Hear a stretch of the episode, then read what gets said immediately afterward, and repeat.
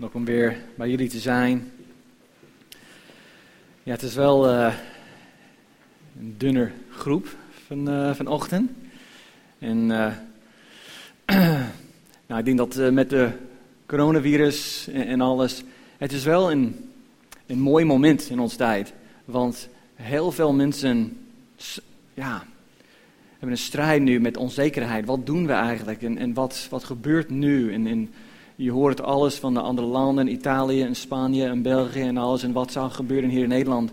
En ik denk voor ons als, als de kerk, als de gemeente, dat wij hebben wel een hoop. En er staat in Hebreeën dat wij hebben een, een hoop in Jezus als een anker voor ons ziel. En ik denk voor veel mensen vandaag is er, is er geen anker. Er is alleen de stormen. En stormen en stormen en stormen. En dat, dit is een, een tijd voor ons als gemeente om ja, dat, dat anker van hoop te laten zien aan de wereld. En wij moeten eigenlijk als gemeente, wij moeten nooit wachten om te zien wat zouden andere mensen doen in, in, in een tijd van crisis. Wat zal uh, de scholen doen of, of wat zal deze groep doen. Maar wat, wij moeten eigenlijk eerst zijn. Wij moeten de eerste zijn om de liefde van God te laten zien, om de hoop van God te laten zien. Wij moeten de eerste zijn uh, om onze buren, onze wijken te dienen. En uh, ik wil onze even aansporen om te denken, oké, dit is wel, ja, de komende paar weken, uh, wij zijn betrokken bij een gemeente in Amsterdam, de komende drie weken komen ze niet samen. En ik denk, oké, nou, dan wat kunnen wij doen als, als gemeente?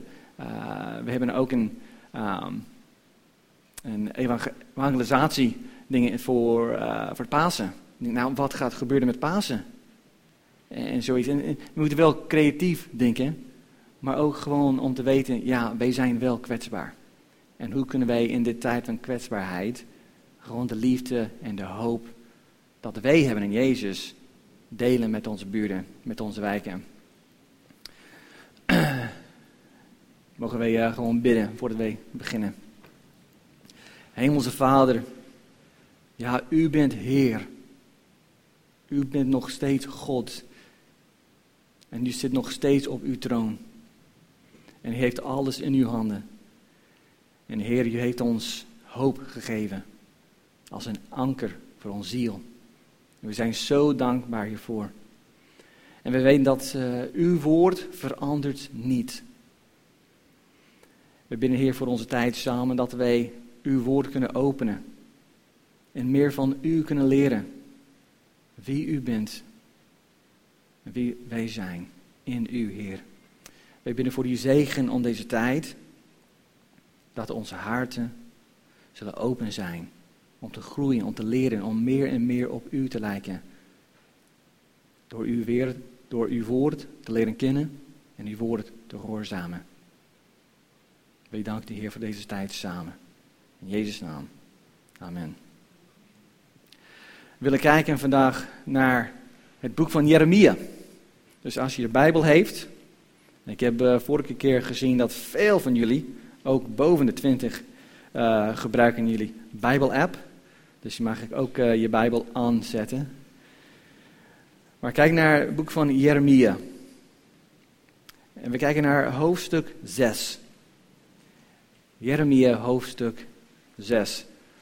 Afgelopen zomer, we gingen naar Frankrijk, naar de Alpen, om te kamperen met onze familie. En het is eigenlijk voor onze kinderen de eerste keer om echt bergen te zien. En onze kinderen zijn wat ouder geworden. En uh, nu kunnen wij samen wat grotere dingen doen. Toen we jong waren, je gaat altijd op vakantie, waar, waar er een heel goede speeltuin was. Even de, kinderen laten spelen op de speeltuin. Nu kunnen we meer samen als een familie doen. En we hebben samen mountainbiking gedaan. In de Alpen.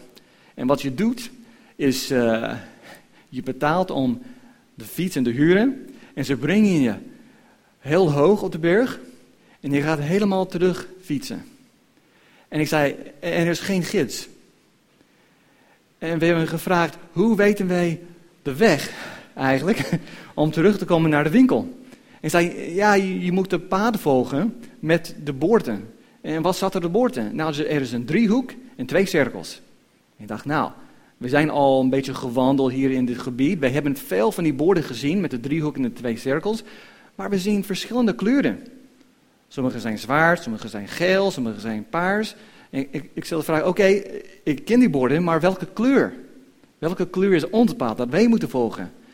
En hij zei, nee, ze gaan allemaal naar dezelfde richting. Maakt niet uit eigenlijk. Ja, oké. maar je moet dicht bij de rivier blijven. Want de rivier gaat door de meel van de daal. En de winkel was heel vlak bij de rivier. Nou, we zijn in het begin was er maar één pad. Maar straks kom je naar een andere pad hier, een andere pad daar. En dacht, waar gaan we eigenlijk? Maar je luistert altijd naar de rivier. Als, als één pad gaat weg van de rivier, nee, we, blijven bij de rivier, want de rivier is een heel oude pad. Die verandert niet. En ik weet dat als we dicht bij de rivier blijven, dan komen we wel naar de winkel. Uiteindelijk is het wel gelukt. Een paar keer gedwaald. Maar het was heel leuk om te zien. Maar vandaag lezen wij over oude paden. Oude paden. En het juiste paden. En onjuiste paden. En, en dat willen wij zien. Wat is juiste pad? Wat zijn de oude paden? Dat is vanaf Jeremia hoofdstuk 6. Ik zal het eerst doorlezen. En, dan gaan de, en daarna gaan we stuk voor stuk en even zien wat kunnen wij hiervan leren over Jeremia, over God en over onszelf als de mens. Dus in Jeremia hoofdstuk 6, beginnen met vers 9 tot 20. Zo zegt de Heer van de legermachten, zij zullen het overblijfsel van Israël als een wijnstok nauwkeurig nalopen. Laat uw hand terugkeren als een druivenplukker langs de ranken. Tegen wie zal ik spreken? En wie zal ik waarschuwen dat zij zullen luisteren? Zie, onbesneden is hun oor, zodat ze niet in staat zijn om er acht op te slaan. Zie, het woord van de Heere is hun tot smaad. Ze vinden er geen vreugde in. Daarom ben ik vol van de grimmigheid van de Heere. Ik ben het moe haar in te houden. Giet haar dan uit over de kleine kinderen op straat, over de kring van de jonge mannen bij elkaar ja, ook de man zal met de vrouw gevangen worden genomen, de ouderen met de hoogbejaarden. Hun huizen zullen overgaan in de handen van anderen, samen met de akers en de vrouwen. Want ik zal mijn hand uitstrekken tegen de inwoners van dit land, spreekt de Heer. Want van hun kleinste tot hun grootste, ieder van hen is uit op winstbejag. Van profeet tot priester, pleegt ieder van hun bedrog. Zij genezen de breuk van mijn volk op het lichtste door te zeggen vrede, vrede, maar er is geen vrede. Staan, bij, staan zij beschaamd omdat zij een gruweldaad gedaan hebben? Ze schamen zich niet in de minst. Ja, ze weten van geen blozen. Daarom zullen zij falen onder hen die falen. Ten tijde dat ik hen zal straffen, zullen zij struikelen, zegt de Heer.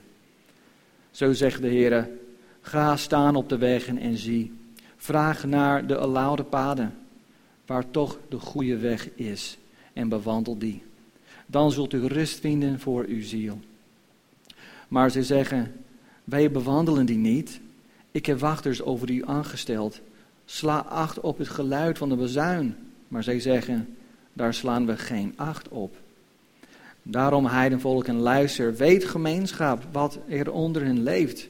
Luister aarde, zie, ik breng onheil over dit volk. Dat is de vrucht van hun gedachten. Want op mijn woorden hebben zij geen acht geslagen. En mijn wet, die hebben zij verworpen. Waarom zou voor mij wierook uit Sheba moeten komen en de beste kauwmoes uit een ver land? Uw brandoffers zijn mij niet welgevallig en uw slachtoffers zijn mij niet aangenaam. Nou, bemoedigend tekst toch? maar dit was de boodschap waarvoor Jeremia geroepen was om te delen met de mensen. Het boek van Jeremia is eigenlijk het is een verzameling van de profetieën van Jeremia, een, een profeet in het koninkrijk van Juda.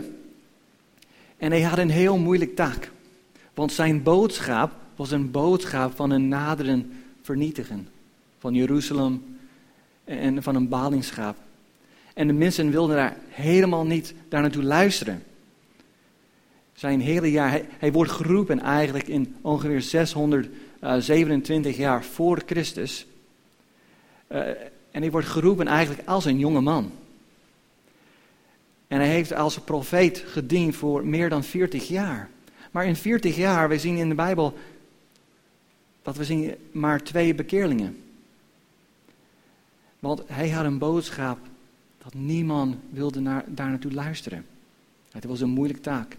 Nou, wat gebeurt op dit moment in Israël?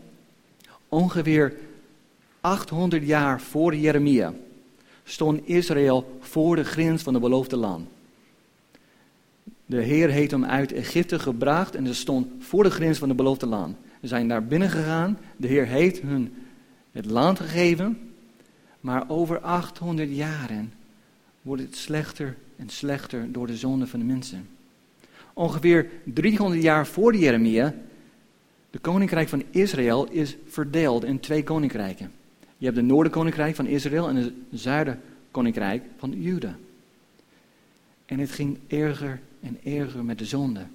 En ongeveer een honderd jaar voor Jeremia is het noordelijk koninkrijk veroverd door Assyrië. En ze zijn weggenomen in ballingschap. En nu is het alleen de kleiner zuidelijk koninkrijk van Juda. En in het begin, het ging wat beter bij in Juda. Je had een paar goede koningen, maar uiteindelijk ging het ook slechter en slechter de zonde. En God wist dat als het niet gestopt zou worden, dan zal ik het hele koninkrijk vernietigen door de zonde. En dus in het begin van deze tekst, in vers 9, wij zien de uitleg van waarom zal dit gebeuren en wat is God van plan om te doen. En er staat, zo zegt de Heer van de legermachten, ze zullen het overblijfsel van Israël als een wijnstok nauwkeurig nalopen. Vorige keer dat ik hier was, wij hadden het over Jezus als de ware wijnstok. En dat heel vaak is Israël in het Oude Testament afgebeeld als een wijnstok, maar altijd met een tekortkoming. Altijd gebrekkig. En wat we zien hier is een, een, voorbeeld daarvan. Ze waren een wijnstok van de Heer, maar zonder goede vrucht. Er was geen goede vrucht. Het wordt erger en erger. En waarom zou God dit reinigen doen? En we zien in vers 8, laat u straffen Jeruzalem, anders zal mijn ziel zich van u losrukken. Anders zal ik een woestenij van u maken. Eigenlijk is de reiniging van de Heer een genade. Want hij weet, zo werkt de zonde in ons leven. Zo werkt de zonde in ons samenleven. Dat het wordt erger en erger en het beschadigt ons, ons leven. En het beschadigt de koninkrijk van Israël. Het wordt steeds erger en erger tot het moment dat God, God wist dat als het wat verder zou gaan, moet ik het hele volk helemaal vernietigen. Maar dat wilde hij niet. En daarom komt hij hun ontreinigen door Babylonië. Met de hoop dat hij zal uiteindelijk wat overblijft werken groeien voor zijn volk.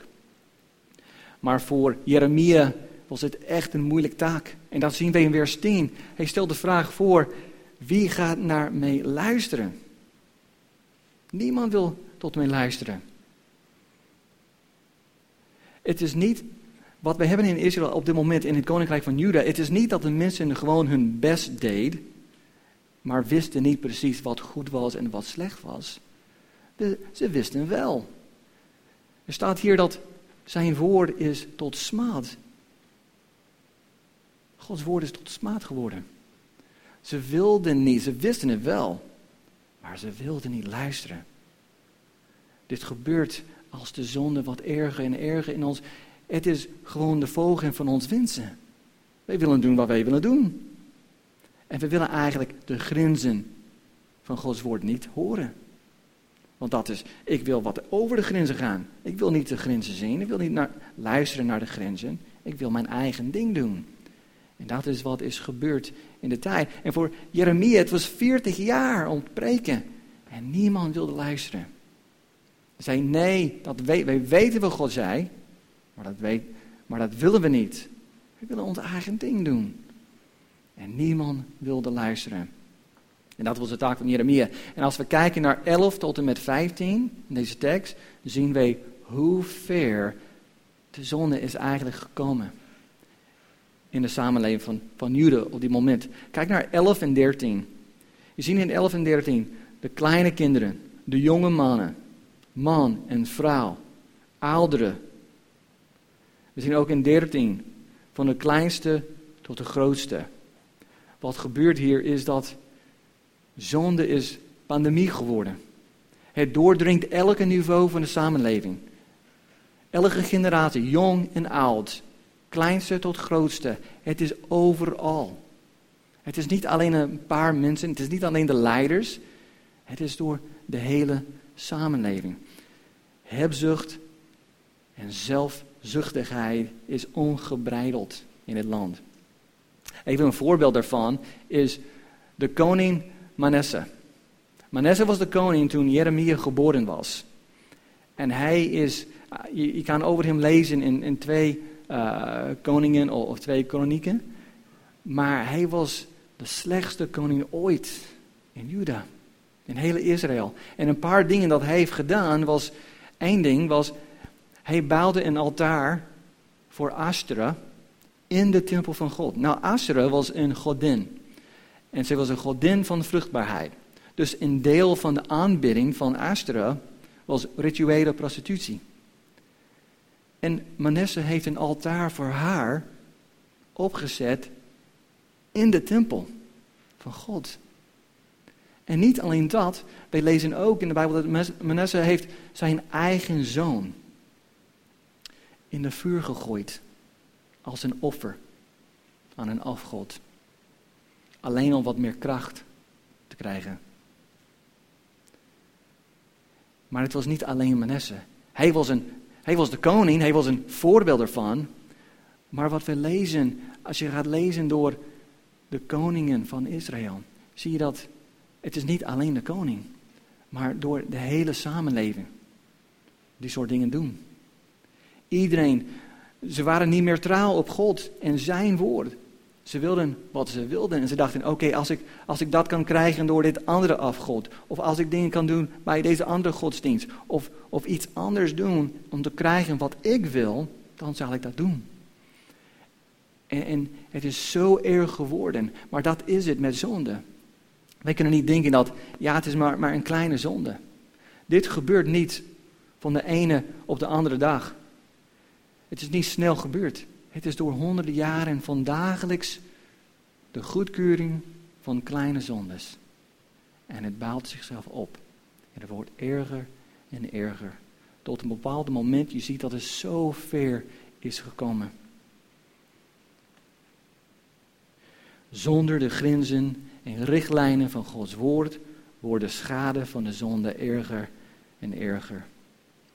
En God wil de mensen, zijn volk, reinigen. En dat zal hij doen in de vorm van ballingschap. De Babyloniërs zijn de nieuwe macht in de wereld. En iedereen kon het zien. Want de, de noordelijk koninkrijk werd in ballingschap gevoerd door Assyrië. En Assyrië was de grote macht van de tijd. Maar nu komt deze nieuwe macht, nieuwe land, Babylonië. En Babylonië heeft in, in dit zijde, in Jeremia's leven, Babylonië heeft al Nineveh, de hoofdstad van Assyrië, al ingenomen. Heeft er al veroverd. Dus het komt, de ballingschap. Het nadert, het komt dichterbij. En we zien in, in vers 12, in vers 12, dit is wat zal gebeuren. Hun huizen zullen overgaan in de handen van anderen samen met de akkers en de vrouwen. Dit is niet nieuw eigenlijk. Dit straf is niet nieuw. Het was altijd gewaarschuwd dat dit zou gebeuren. Ik wil je vinger hier laten zitten en ga met me mee naar Deuteronomy. Deuteron Deuteronomium. Ja, moeilijk woord. Het is uh, de vijfde boek van de Bijbel, dus je gaat bijna tot het begin. En kijk in hoofdstuk 4. Dus de boek na Numeri. In hoofdstuk 4, Wat gebeurt hier is, dit is door Mozes. En het is bij het einde van de 40 jaar in de, in de woestijn. En de mensen staan letterlijk op de grens van het beloofde land. En Mozes is al oud geworden. En hij weet dat hij zal niet in de beloofde land gaan wonen. Maar hij geeft bij het einde zijn laatste instructie aan het volk van God. En luister wat hij zegt in hoofdstuk 4, vers 25 tot en met 27. Van Mozes tot Israël. Als uw kinderen en kleinkinderen verwexeld hebben en in het land oud geworden zult zijn en verderfelijk zult handelen, als u een beeld zult maken, de afbeelding van een enig ding, en doen wat slecht is in de ogen van de Heere, uw God, om hem tot toren te verwekken, dan roep ik heden de hemel en de aarde tot getuigen tegen u, dat u zeker al snel zult verdwijnen uit het land waarvoor u de Jordaan oversteekt om het in bezit te nemen. U zult uw dagen daarin niet verlengen, maar zeker weggevaagd worden. De Heere zal u dan overal verspreiden onder de volken. U zult met slechts weinig mensen overblijven onder de heidenen, naar wie de Heere u voeren zal. Het was altijd de waarschuwing. Vanaf het begin. Mozes zei, gehoorzamen, blijf trouw aan de Heere uw God en u zal lang hier leven. Maar als je dat niet doet, dan word je hier uitgehaald. Weggevaagd. En dat is precies wat God zal doen. Net als hij heeft al gedaan met de andere volken die daar voorwoonden, die ook ongehoorzaam waren. De Heer heeft hem uit het land gedreven, maar nu Israël was ook ontrouw. En hij gaat hem uit het land drijven. Voor een tijd. Om hen te reinigen. En dat is wat zal gebeuren. En in versen 13 en 14 lezen wij wat ik denk is eigenlijk de verdrietigste deel van deze tekst. Er staat, van profeet tot priester pleegt ieder van hun bedrog. Ook de profeten en de priesters waren niet onschuldig.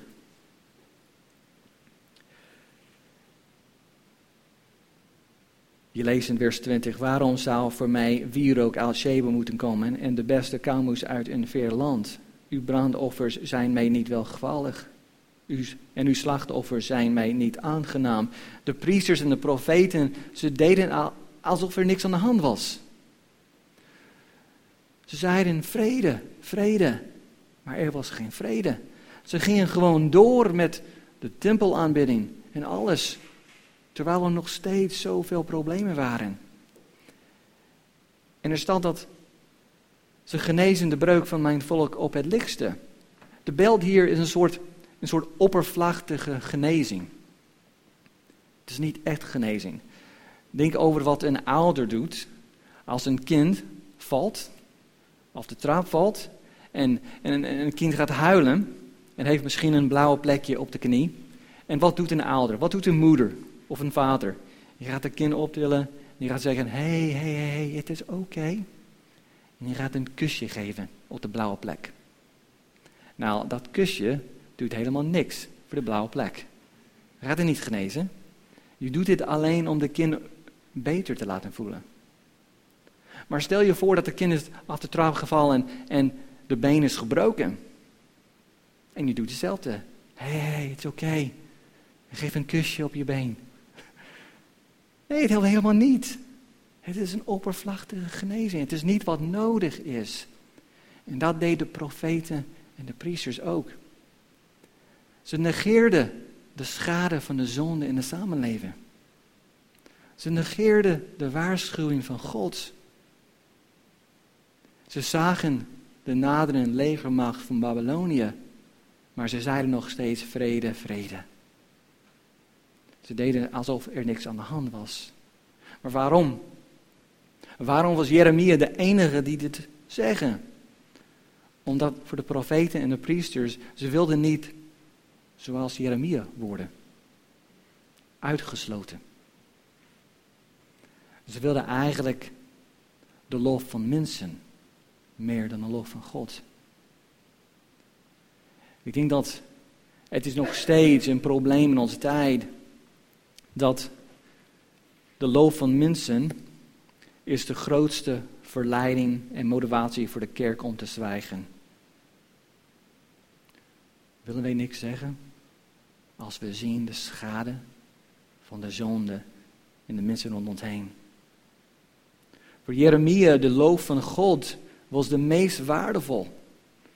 Voor hem de goedkeuring van God, de blijheid van God, was zoveel meer waarde dan de lof van mensen. Daarom in het midden van ja, een samenleving die helemaal niet naar hem wilde luisteren, hij was onbevreesd in zijn gehoorzaamheid. En de vraag is voor ons, wat, wat vrezen we voor? Zijn we onbevreesd in onze gehoorzaamheid? Of is er een verleiding naar de lof van mensen in plaats van de lof van God? De lof van mensen is vluchtig, maar de liefde en de beloning van God is eeuwig. En dat moet eigenlijk ons doel zijn als de volk van God. Maar ook in het midden van de reiniging. In het midden van de reiniging van God, God roept zijn volk nog steeds om terug keren. Hij geeft niet op. Hij roept hem nog steeds. En dat zien we in vers 16. Zo zegt de Heer. Ga staan op de wegen en zie, vraag naar de alauwde paden, waar toch de goede weg is en bewandel die. Wat zijn de alauwde paden? Nou, alauwde paden hier betekent eigenlijk voor de volk in die tijd, het was de traditie van Mozes, wat Mozes heeft aan de mensen gegeven. Nou, de alauwde paden, die oude paden, het gaat niet alleen over traditie. Want traditie kan ook verkeerd zijn. Maar hier, wat ik bedoel met de traditie van Mozes, die alauwde paden, het was wat Mozes leert aan de mensen van God. Het was Gods wet, Gods woord. Dat is de alauwde paden, Gods woord. Vraag naar de alauwde paden. Dat, daarin zult u rust vinden. Maar in 16 en 17, wij bewandel die niet daar slaan we geen acht op. De mensen hebben het woord van God, zijn wet, verwerpen. C.S. Lewis, de Engelse schrijver, hij zei, want heel veel mensen hebben het idee dat, ze vinden het niet leuk om het idee dat God zal mensen naar de hel gaan sturen. Of dat, uh, ja, dat er een hel is, een gescheidenheid van, van God voor eeuwig. En C.S. Lewis, hij zei in een van zijn boeken dat Eigenlijk, God stuurt niemand naar de hel. Maar iedereen die naar de hel gaat, gaat van eigen keus daar naartoe. En wat hij bedoelde was, je kan niet God afwijzen zonder zijn eigendommen ook af te wijzen. Zijn goedheid, zijn liefde, zijn licht, zijn leven. Je kan niet dat hebben zonder hem. En als wij hem niet willen volgen, dan verliezen wij ook alles wat van Hem is. Zijn goedheid, zijn leven. En wat C.S. Lewis zei, is dat bij het einde er zijn twee soorten mensen. Degene die tot God zeggen, u wil geschieden. En degene tot wie God zegt, u wil geschieden. En wat wij zien hier in vers 19. Dat is de vrucht van hun gedachten. Of dat is de vrucht van hun plannen. Wat gebeurt in het land van Juda, wat gebeurt als een resultaat van de zonde, het is gewoon de vrucht van hun plannen. Wat gebeurt is wat gebeurt bij de zonde. En zo gebeurt de zonde in ons leven. Het wordt erger en erger om ons te vernietigen.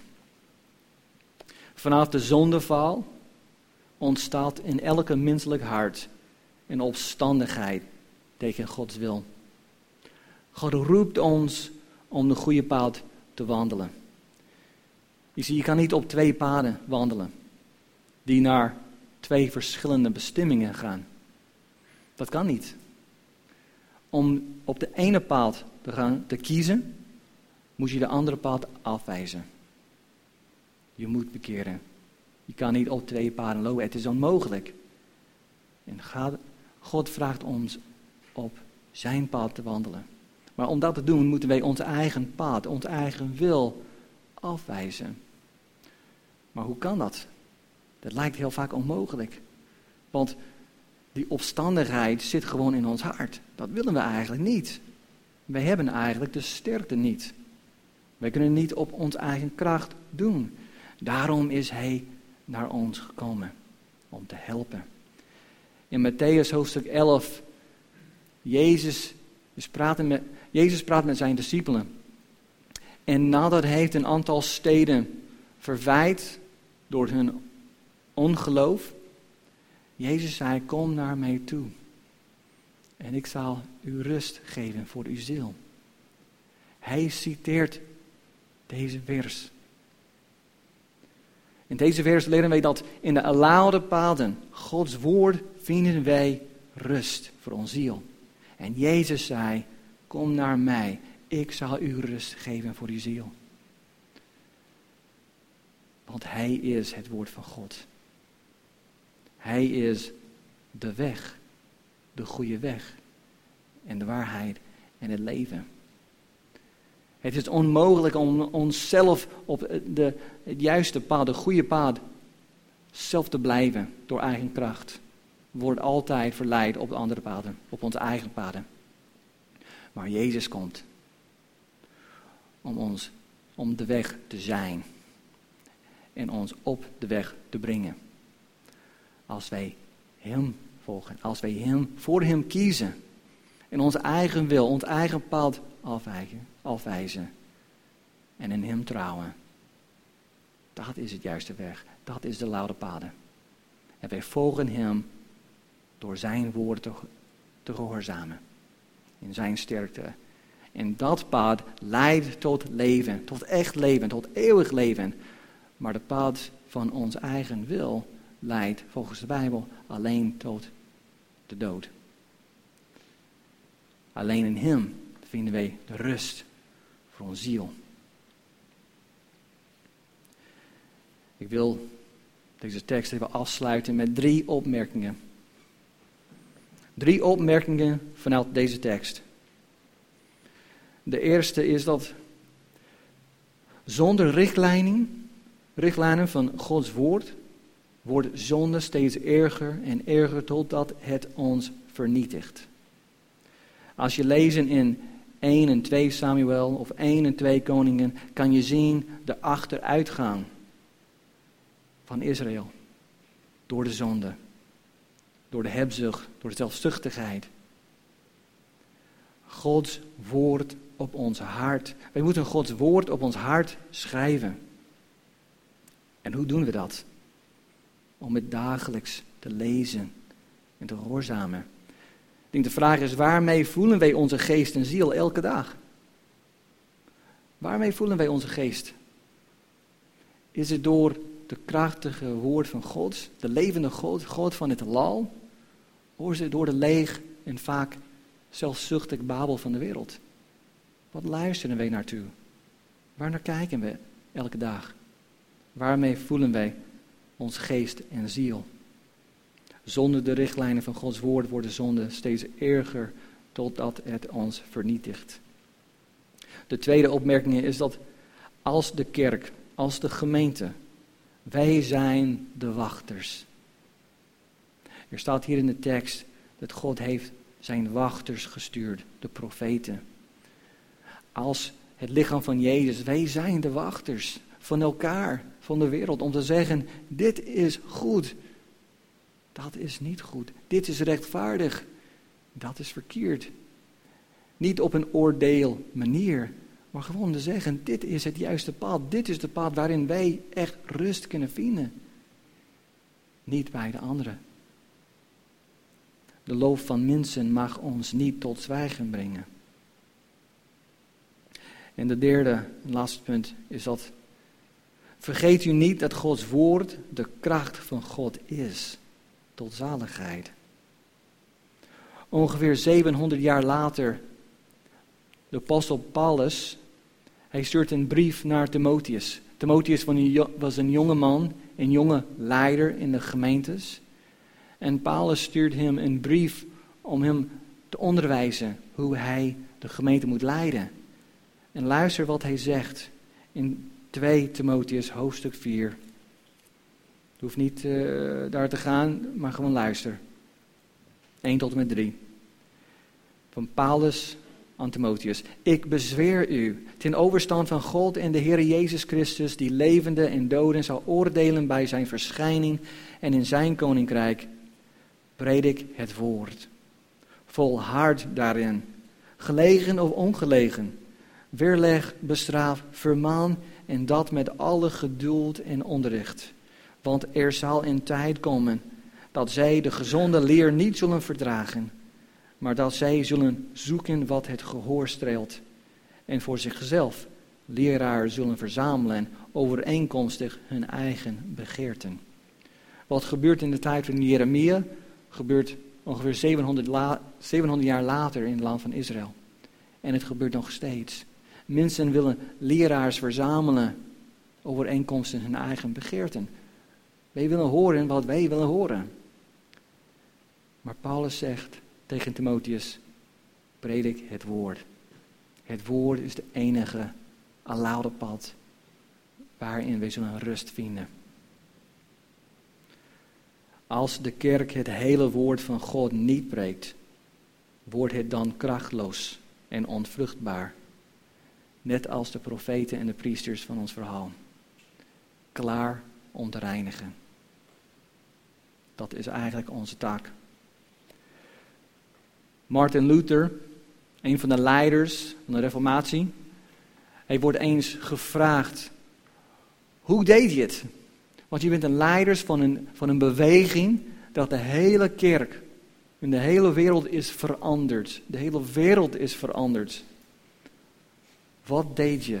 Hoe deed je dat om zo'n beweging te beginnen? En zijn antwoord, ik vind het zo leuk. Martin Luther zei: Ik leerde, predikte en schreef gewoon Gods woord. Anders deed ik niets.